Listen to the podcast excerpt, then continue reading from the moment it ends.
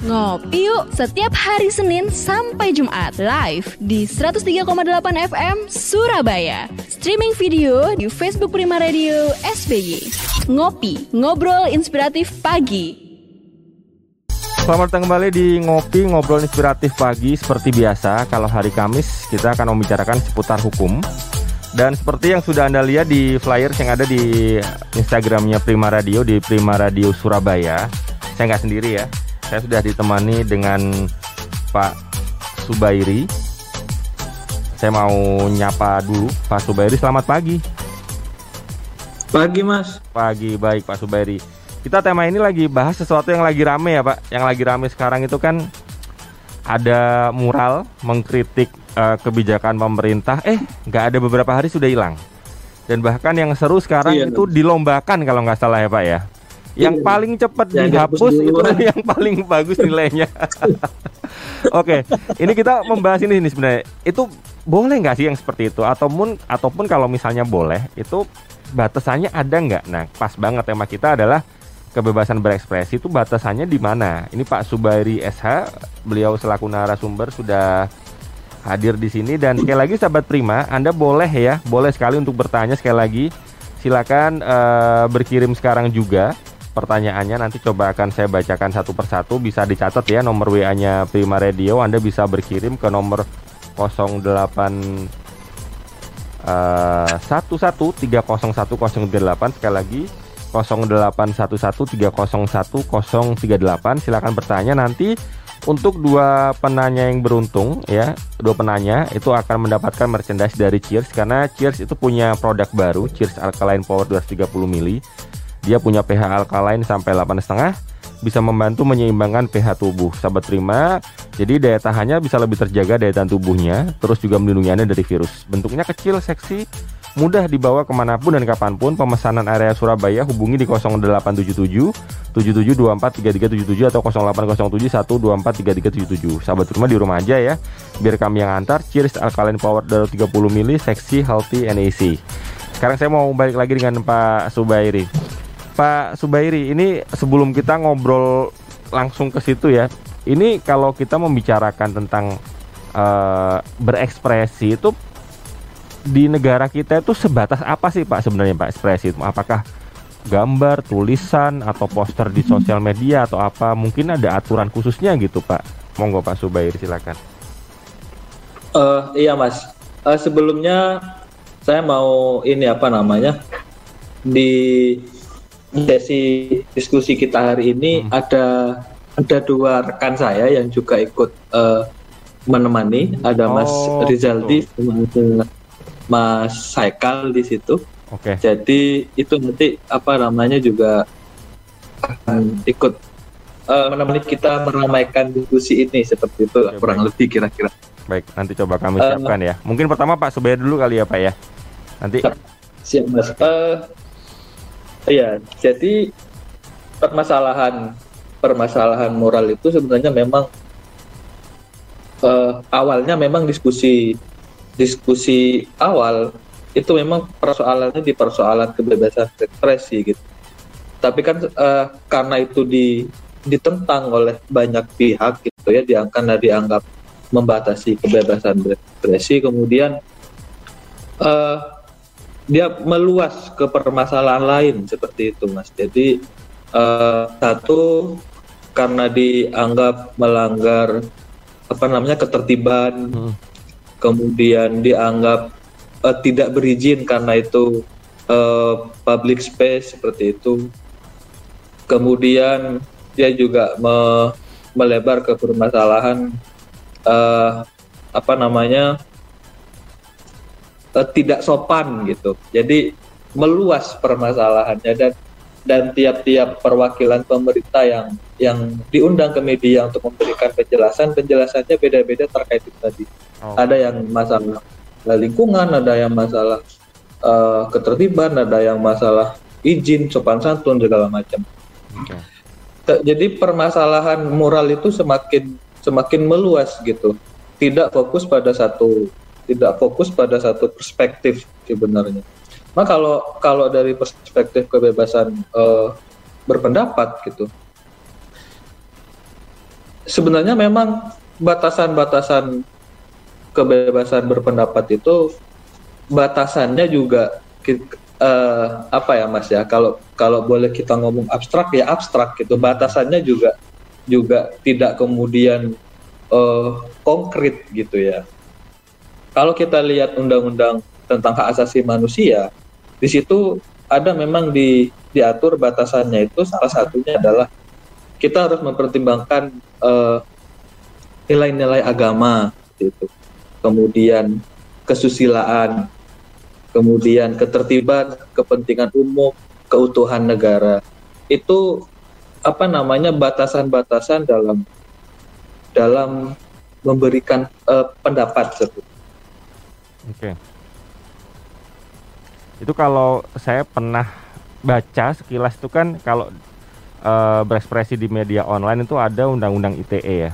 Kalau mural ini ya. apakah sudah diatur Pak? Mungkin ada undang-undang mural atau apa? Apa sampai ke sana atau memang belum? Mungkin itu yang membuat abstrak ataukah mungkin karena belum atau gimana kalau menurut Pak Subairi?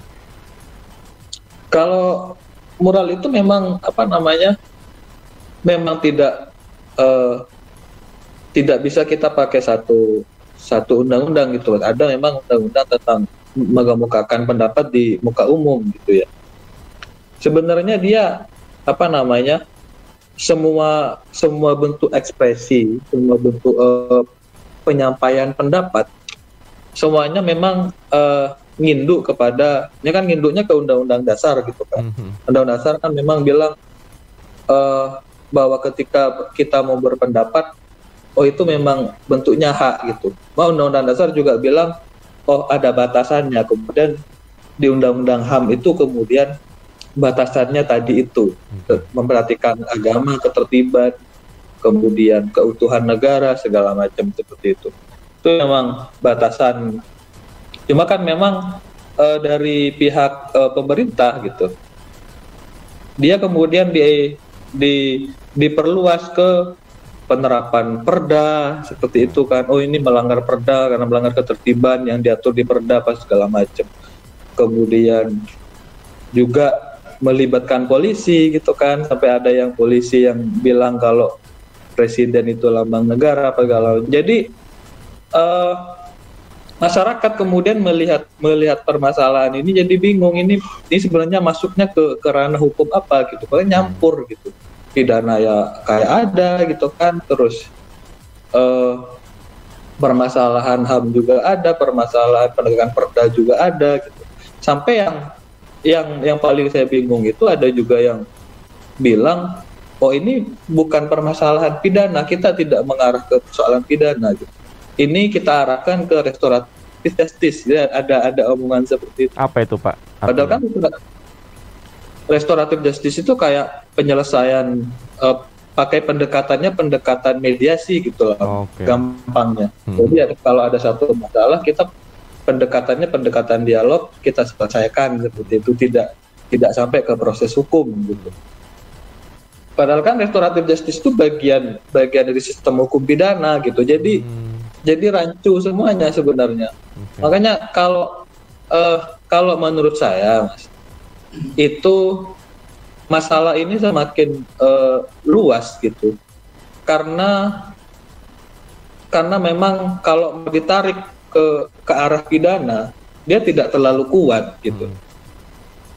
Karena kan kalau apa namanya kalau pidana kan paling kenanya apa penghinaan gitu hmm. kan pencemaran nama baik kalau dia ada namanya kalau dia ITE kan dia kena ITE gitu hmm. Tapi kan semuanya nggak kuat sebenarnya kalau mau ditarik ke ke pidana kalau batasan kalau kita ngomong batasan memang kalau nanya batasan yang konkret gitu mas ya. Hmm. Kalau kita ngomong yang konkret emang emang menurut saya emang tidak ada. Gitu.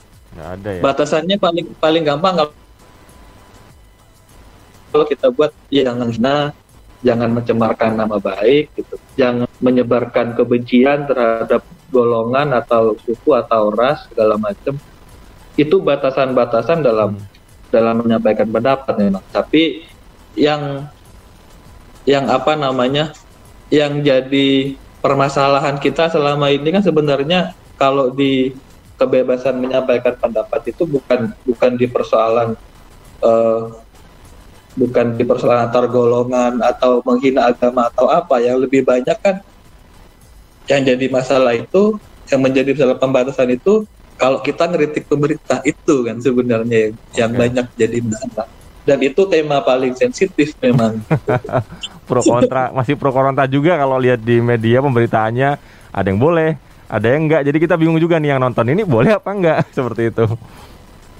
Iya. Oke. Okay.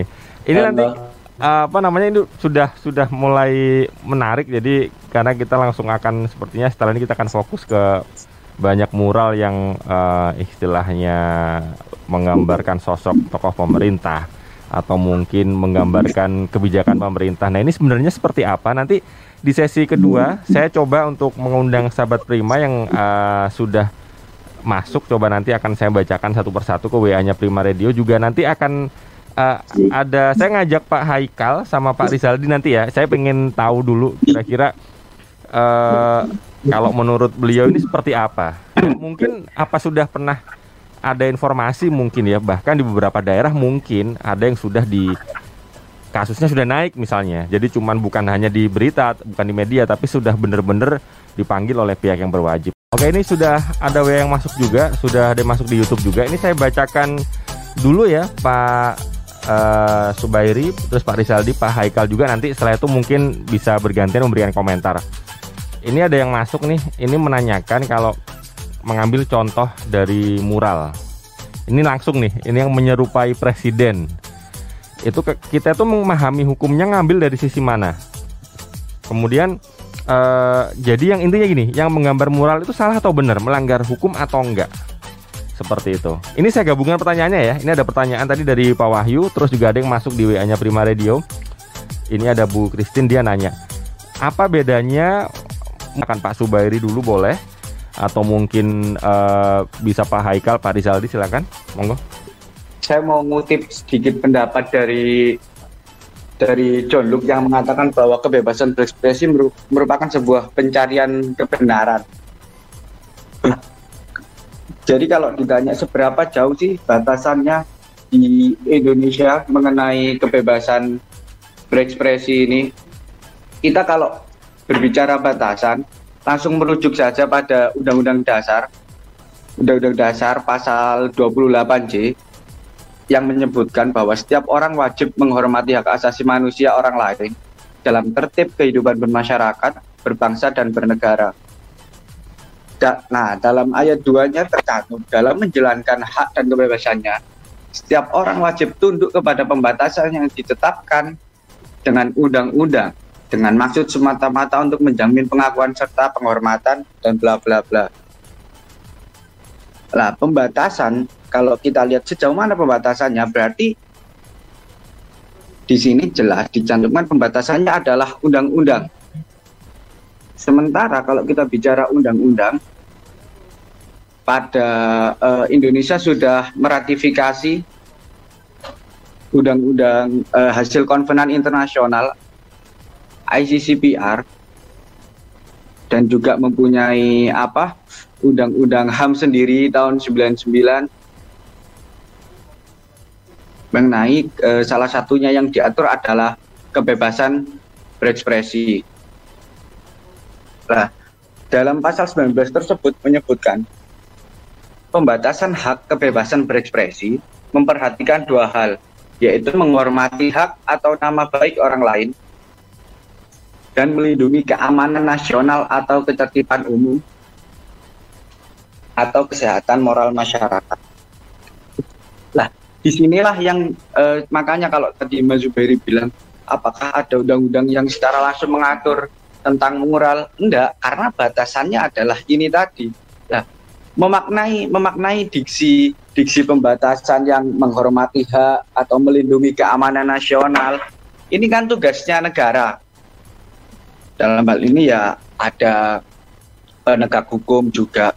Artinya moral menurut saya kalau yang di pertanyaan tadi adalah eh, apakah bedanya subjek yang dikritik langsung dengan substansi yang dikritik langsung? Kalau pendapat saya, alang alangkah lebih baiknya memang itu yang dikritik adalah substansi. Karena karena gini, kecenderungan bukan artinya setiap mengkritik orang melanggar hukum ya, tidak. Tapi ini lebih karet dalam artian ada kita bisa nanti dikenakan misal pencemaran apa baik atau apa lah ini loh yang yang sering digunakan untuk menakut-nakuti para apa ya kita bilang mungkin seniman atau kritikus atau gimana lah inilah makanya kalau kalau saya lebih melihat ya kita lihat substansinya aja. Dan dan di Indonesia jarang-jarang sekali gitu loh ini di, disikapi secara hukum. Padahal ini ranahnya ada ranah kebebasan berekspresi, tapi pembatasannya sejauh mana? Ya undang-undang yang mengatur. Siapa yang menegakkan undang-undang? Ya penegak hukum. Inilah tadi. Mungkin itu dulu dari saya, monggo. Oke, terima Mas. kasih Pak Rizaldi. Jadi kalau saran dari Pak Rizaldi ketika mungkin Anda seorang seniman atau mungkin Anda punya bakat atau punya sekelompok komunitas yang suka berekspresi, lebih amannya yang dikritik itu adalah kebijakannya. Nah ini sudah ada yang terlanjur nggak mengkritik kebijakannya, bahkan mengkritik si sosok pejabat yang menyerupai presiden seperti ditanyakan sama Pak Wahyu tadi via YouTube juga. Itu sebenarnya kalau menurut Pak uh, ini kembali ke Pak Rizaldi ya.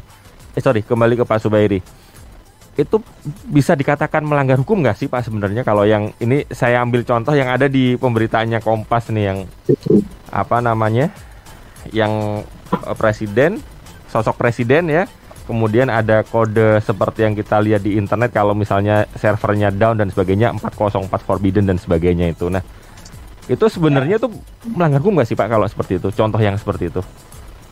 Uh, iya Mas. Kalau kalau menurut saya Mas ya persoalan persoalan moral itu kalau memang yang uh, for uh, for zero for yang yeah, not, not found, found yeah. ya, not found aja lah yang kita nyebutnya.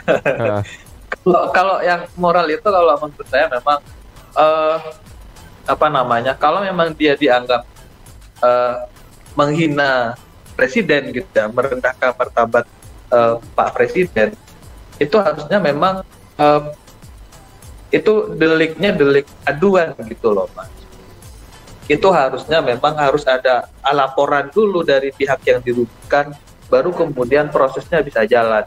Hmm. nggak bisa nggak bisa kalau tanpa ada uh, aduannya. Nah ini kan sepanjang kita uh, ngikuti pemberitaannya kan memang presiden belum belum ada belum ada berita yang yang yang apa namanya yang menyiarkan kalau presiden sudah melaporkan itu ke Mabes Polri atau mana kemudian materi terus diproses. Itu belum ada.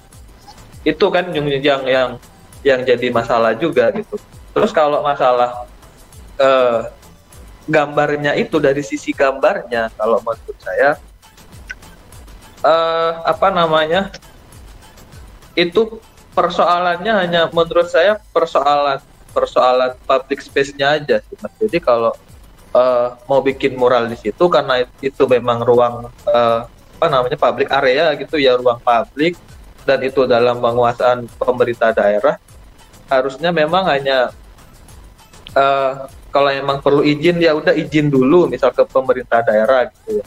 Terus kalaupun itu bermasalah secara secara tempat tempat pembuatan moral itu maka yang yang menangani itu harusnya yang Satpol PP gitu sebagai pelaksana peraturan daerah, bukan polisi harusnya. Jadi kalau itu persoalannya persoalan uh, ketertiban di daerah itu yang terkait dengan public space tadi itu harusnya emang Satpol PP yang yang menangani gitu. Terus kalau dari uh, apa namanya sub, secara substansi gitu ya secara substansi gambar itu uh, menghina atau merendahkan atau enggak sebenarnya emang uh, ukuran menghina atau enggak itu tergantung apa ya mas ya? Kembali kepada orang yang ada di gambar itu. Yeah. kembali kepada itu dulu. Kalau orangnya misal merasa terganggu dengan itu merasa terhina dengan itu maka dia lapor dulu baru kemudian kan polisi akan memproses. Tapi kalau orangnya orangnya merasa itu tidak ada masalah eh, oh ya udah nggak ada masalah gitu kan?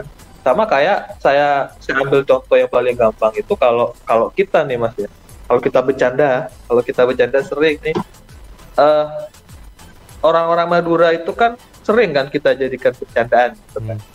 Sedangkan kalau kalau kita pakai pasal 28 UTE kan harusnya itu bisa karena kan itu apa namanya menebar eh, kebencian di antara suku kan itu sebenarnya. Hmm. Tapi karena karena orang Maduranya nggak apa-apa, oh ya udah nggak ada proses terkait itu. Itu apa namanya? Menurut saya apakah mengandung penghinaan atau tidak? Kembali kepada orang yang yang jadi objek dalam dalam moral itu. Itu sih mas menurut saya. Oke, baik. Nanti ini saya belum dengar suaranya Pak Haikal. Nanti di sesi terakhir saya coba pengen mencari tahu gimana menurut pendapat Pak Haikal ya. Jadi Iya mas. ini Pak, Pak Haikal ada ya Pak, Pak Haikal hadir ya? Pak Haikal hadir kan ya maksudnya? Hadir, hadir. Oke baik. Nanti ya Pak ya setelah ini sesi terakhir kita akan saya akan sambungin ke Pak Haikal. Saya juga pengen banyak gambaran nih sebenarnya karena orang akhirnya jadi maju mundur nih mau berkarya. Aduh kok dibatasin akhirnya bingung juga akhirnya serba salah iya nggak iya nggak seperti itu padahal niatnya mungkin berekspresi lewat seni Pak Haikal nih saya belum mendengar suaranya monggo Pak Haikal untuk bergabung Halo. ya Pak Haikal baik Pak Haikal ini tadi kita sudah membicarakan apa intinya gini ini melanggar hukum nggak sih sebenarnya tadi kalau Pak Rizaldi bilang eh, mending ya sarannya kalau mau mengkritisi sesuatu itu diambil mengkritisi objeknya itu kebijakannya jangan orangnya kalau Pak Subairi ini lebih lebih eh, lebih dekat sih dengan pelanggaran ketertiban. Jadi yang menindak adalah eh, awak-awak dari Pemda atau mungkin Satpol PP lah biasanya. Nah kalau menurut Pak Haikal mungkin ada tambahan Pak mengenai ini yang lagi rame kan mural ya bahkan dilombakan oleh salah satu media siapa yang paling cepat dihapus oleh pihak berwajib atau pihak berwenang itu akan dapat nilai yang lebih. Nah mural yang seperti ini tuh gimana Pak? Apakah itu sebenarnya melanggar? Kalaupun melanggar itu dari sisi mana mungkin? Mungkin ada hal yang mau ditambahkan dari Pak Haikal. Silakan. Eh, sebelumnya mohon maaf ya, apa kamera saya ini nggak bisa, Nggak jadi apa-apa. saya mati- saya matikan gitu. Oke, nggak apa-apa Pak Haikal. Monggo Oh. Pak, silakan Pak. Ini eh, apakah melanggar atau enggak itu kan? Saya rasa apa yang dinyatakan Pak Zubair itu benar. Karenanya saya nggak mau terlalu bahas itu. Idenya kan tadi apa sampai sejauh mana sih kebebasan berekspresi itu kan? Iya. Saya rasa pernyataan Pak Zubairi itu sudah lengkap kalau kita mau berbicara dalam tataran positivisme hukum gitu ya. Artinya dengan hanya melihat undang-undang saja gitu. Tapi saya mau bicara gini. Apakah eh, membuat mural itu merupakan bentuk kebebasan ekspresi yang kebablasan tuh? Saya jawab itu enggak. Satu, pertama gini ya. Kebebasan berekspresi itu kalau kita lihat dalam teorinya John Stuart Mills tentang HAM principle batasannya itu cuma satu. Apakah hak yang dilaksanakan itu baik dalam wujud kebebasan berekspresi itu merendahkan martabat seorang manusia jika ia tidak merendahkan martabat seorang manusia maka itu ya bentuk kebebasan berekspresi. Kedua, apakah kemudian ketika kita mengkritik presiden atau bahkan menggambar wajahnya dengan ditutupin uh, gambar 404 itu merupakan pelanggaran merupakan perendahan martabat manusia. Saya jawab enggak. Saya ngomong paling unortodoks ya saya rasa. Karena gini, apa yang perlu dipahami soal hukum logika hukum itu berbeda dengan logika pada umumnya. Apa yang mau saya katakan dengan jelas pertama adalah presiden itu bukan manusia. Pak Jokowi manusia atau bukan? Iya. Presiden itu jabatan. Dia bukan manusia. Itu satu. Jadi ketik hak asasi itu dibatasi ketika ia memang menghina Jokowi sebagai seorang manusia, misalnya menyerang pribadinya, itu nggak boleh. Tapi benar apa kata Pak Zubairi kan, semestinya itu merupakan apa namanya delik aduan. Tapi gini loh, di apa delik aduan pun ada batasnya. Apakah boleh presiden yang dikritik melaporkan balik apa namanya warganya itu melaporkan warganya itu dalam putusan pengadilan di Belanda. Belanda itu kan monarki. Waktu itu kan di apa pasal-pasal penghinaan-penghinaan seperti itu kan kita dapat turunan dari Belanda. Kita nggak boleh menghina ratu. Ratu itu punya martabat. Kita nggak boleh merendahkan dia dia simbolnya negara Belanda tapi dalam putusan pengadilan itu pun kita bisa kita bisa cek itu argumen saya kita bisa lihat di dalam putusan Mahkamah Konstitusi yang menyatakan pasal penghinaan presiden inkonstitusional. Di sana dinyatakan apa? Martabat seorang ratu sebagai simbol negara tidak mengizinkan ia untuk mempermasalahkan itu kepada rakyatnya. Tapi rakyatnya juga tidak boleh menghina ratu. Itu negara monarki. Apalagi negara kita ini negara republik. Republik itu negara apa? Negara yang asalnya dari rakyat. Artinya apa? Republik itu negara yang dipimpin oleh representasi-representasi rakyat. Jadi apakah persoalan pertama apakah kemudian uh, mural itu perbuatan melanggar hukum? Eh bukan. Apakah perbuatan yang merendahkan martabat manusia saya jawab enggak loh apakah melanggar hukum? Ya bisa jadi kalau ia dilakukan tanpa izin. Karena kan itu ada properti umum, ada mungkin itu punyanya temboknya orang lain dan lain sebagainya. Terus yang kedua begini, apa yang mau saya katakan? kalau kita baca filsafatnya Hegel, pikiran itu harus berkembang. Hegel mengatakan apa? Bahwa pikiran adalah pusat dari dinamika. Pikiran itu kekuatan untuk merubah. Kekuatan perubahan. Konsekuensinya apa? Segala sesuatu yang bersumber dari pikiran itu harus berubah juga mengikuti perkembangan zaman. Hukum itu produknya logika. Kita orang hukum ini tahu. Kita diajari itu di sekolah-sekolah hukum. Makanya kita selalu pakai logika deduksi hukum itu produknya logika logika itu produknya pikiran jadi ketika hukum itu tidak mengikuti perkembangan zaman, artinya berbau-bau kolonialisme. Hal-hal seperti penghinaan terhadap pemerintah itu dipertahankan dan dijadikan seolah-olah itu sebagai suatu delik padahal dinyatakan inkonstitusional, maka jelas itu bukan statement yang berasal dari pikiran. Karena pikiran itu berubah. Itu poin kedua. Poin ketiga, negara-negara zaman dulu seperti misalnya Jerman telah belajar bahaya dari uh, pemahaman yang sangat ortodoks tentang hukum. Artinya dia memandang bahwa hukum itu hanya suatu aturan, pemahaman yang kuno terhadap hukum. Apa pelajaran yang terpenting dari Jerman? saat itu para perwira Nazi yang terbukti telah membunuh, membantai bangsa Yahudi hanya berkata, saya tidak melakukan kesalahan, saya melaksanakan perintah hukum. Hukum itu tidak boleh seperti itu. Kita tidak boleh terlalu berkaca pada hal-hal yang positifis. Pembicaraan itu tidak boleh terlalu dibicarakan dalam pembicaraan hukum. Socrates itu bilang, hukum yang tidak adil itu bukanlah hukum sama sekali. Sokrates atau Plato itu saya lupa.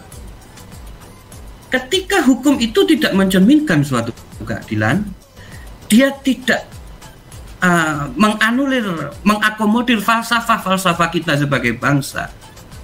Ya itu bukan hukum. Itu apakah itu mengikat? Ya, itu mengikat. Tapi itu bukan rule of law atau aturan hukum, tapi rule of power aturan kekuasaan dan itu tidak boleh di negara yang katanya menjunjung konstitusi. konstitusi kita itu melindungi manusia, bukan melindungi pemerintah. Manusia, rakyat. Konstitusi itu sendiri itu apa? Dia adalah kehendak politik rakyat yang dimanifestasikan dalam sebuah dokumen atau disebut gunung dokumen itu. Manifestasi dari stat fundamental num atau Pancasila aslinya dari mana? Ya kehendaknya kita sebagai rakyat. Kebebasan berekspresi itu ansih tuh kalau katanya Hegel. Ansih itu apa? Think in itself. Hal yang ada di dalam diri manusia itu. Itu nggak boleh dibatasi dengan hal yang remeh-temeh. Pembatasannya cuma satu. Apa itu? Dia tidak boleh merugikan hak asasi manusia. Dia tidak boleh merendahkan martabat manusia.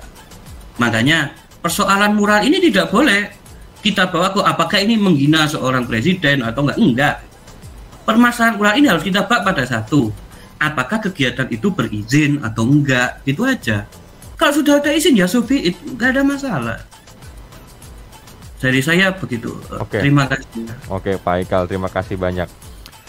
Ini eh, waktu kita ada beberapa menit lagi. Ini saya pengen tahu closing statement dari Pak Subairi. Mungkin ini lebih ke sahabat Prima ya, Pak Subairi. Jadi mungkin ada sahabat Prima yang eh, memang dia jalan di bidang seni atau mungkin dia bahkan terbiasa melakukan eh, seni yang seperti mural dan sebagainya. Closing statement Pak sekaligus Pak Subairi saran juga buat sahabat Prima harusnya gimana kalau kita ketika kita mau berkarya yang istilahnya tidak melanggar hukum ya kemudian aspirasi bisa tersampaikan dengan baik nah itu harusnya gimana nih sekali closing statement ya Pak Subairi silakan Iya mas. Ini kalau kalau ngomongin eh apa namanya ngeritik yang baik gitu ya, itu yang susah emang pekerjaannya ya. Nah, iya, karena emang namanya kritik namanya kritik pasti bikin kuping panas gitu Iya, harusnya. iya, iya. Eh, kalau menurut saya mas apa namanya eh, satu berarti yang dijelaskan eh, Haikal tadi, saya manggilnya Prof Haikal ya. Iya Jos memang eh satu memang melihat eh, propertinya gitu ya mas ya. Itu rumah orang atau itu milik eh, dalam penguasaan Pemda atau bukan gitu ya. Jadi minimal itu harus harus harus berizin dulu lah gitu ya. Kalau dia punya orang eh, orangnya emang udah mengizinkan itu untuk untuk di dijadikan objek gitu ya. Karena moral kan sebenarnya bukan bukan hal yang jelek kan. Maksud saya kalaupun harus minta izin menurut saya nggak ada nggak nggak bakal nurunin derajat atau nurunin harga diri gitu mbak eh kemudian kalau persoalan eh, substansinya apa namanya jujur memang eh, rentetan rentetan kejadian sebelum sebelum ini kan memang bikin orang takut kan mas sebenarnya Mhm. termasuk termasuk kita bahas tema hari ini tema yang kayak gini saya dari tadi juga milih-milih nih diksinya nih biar nggak Hmm. salah-salahin karena emang bikin takut takut takut salah-salah kepleset keseleo gitu Hmm. kan Eh, nanti malah istilah anak hukumnya delik teko delik gitu, Mas. Uh, bersembunyi dari delik. Eh, kalau dari kalau dari sisi eh, substansi memang pakai kita pakai kita pakai standar diri sendiri aja lah. Artinya eh, jika dengan kata-kata itu eh, kita tidak tersinggung, misalnya, oh jika dengan kata-kata itu bikin kita tersinggung, oh ya udahlah kita nggak usah bikin kayak gitu. Gitu aja sih kalau saya sih. Kita ngukur ngukur dari diri sendiri aja karena emang kalau mau nyari standarnya yang yang yang kritik yang sopan itu gimana? Ya menurut saya emang nggak ada kritik yang sopan. Ya, kritik eh, pasti pasti nggak sopan gitu ya. eh kemudian kalau misalnya ada ada pihak yang ada polisi misalnya terus mengurusi mengurusi permasalahan itu eh ya nggak usah nggak usah panik gitu di dikelirkan aja persoalannya apa kalau memang itu persoalannya persoalan izin izin terkait terkait tempat kalau itu yang dalam penguasaan Pemda oh itu harusnya emang satpol pp gitu aja. Jadi nggak nggak nggak perlu terlalu panik karena emang di mural yang kemarin yang viral itu kan polisi kan akhirnya juga uh, melepaskan semua semua yang pelakunya itu kan kan nggak ada yang diproses sih. Setahu saya ngikuti perkembangan. Uh, itu sih mas kalau dari saya. Oke baik. Yang saya perlu garis bawahi kritik itu namanya kritik nggak ada yang bagus ya. Pasti bikin kuping panas seseorang yang dikritik itu yang pasti. Jadi dibalikin ke diri yeah. anda ketika mau melakukan sesuatu diukur. Kalau posisinya dibalik kira-kira tersinggung nggak? Nah kalau tersinggung ya mending dipikir lagi. Kalau memang anda digitu nggak tersinggung ya udah jalan nggak apa-apa. Seperti itu dikembalikan ke diri anda lagi. Dan yang pasti adalah dicek dulu tempatnya. Sudah izin belum? Jangan langsung tiba-tiba digambar aja seperti itu Pak Suberi waktu memang mepet sekali ya kalau ngopi ya. Jadi kita nggak ada waktu lagi nih sahabat Prima kalau mau tanya lagi sekali lagi boleh. Tapi nggak bisa di sini. Maaf langsung ke Pak Subairi aja ya Pak. Ini Pak Subairi kita kalau misalnya mau bertanya yeah. sahabat Prima mungkin mau konsultasi tentang hukum atau hal yang lain seputar hukum itu bisa ke mana nih Pak Subairi? Mungkin ada nomor um, uh, eh, WA atau mungkin ada sosial media silakan. Siap Mas. Uh, kalau ada uh, teman-teman yang yang misalnya mau tanya-tanya uh, gitu ya terkait terkait hukum terkait masalah ini atau persoalan lain bisa menghubungi uh, WA saya di 0812 3553 9048 ada di IG juga IG uh, at Zubairi dan rekan dannya pakai tulisan huruf Oke. bukan simbol. Baik siap Pak Subari terima kasih banyak, Pak Haikal juga terima kasih banyak, Pak Rizaldi terima kasih banyak. Sama-sama, Mas. Sehat-sehat Yan. Ya, sehat-sehat terus ya Pak. Semoga aktivitas nanti amin, sampai amin. sore semuanya lancar, nggak ada kendala yang hmm. berarti. Saat terima juga terima kasih banyak ya sudah menemani kita di ngopi mulai jam 9 tadi sampai jam 10 kurang dikit ini. Sekali lagi saya pamit, kami juga pamit. Selamat pagi menjelang siang dan selamat beraktivitas. Waktunya ngopi nih. Ngopi yuk setiap hari Senin sampai Jumat live di 103,8 FM Surabaya. Streaming video di Facebook Prima Radio SBY. Ngopi, ngobrol inspiratif pagi.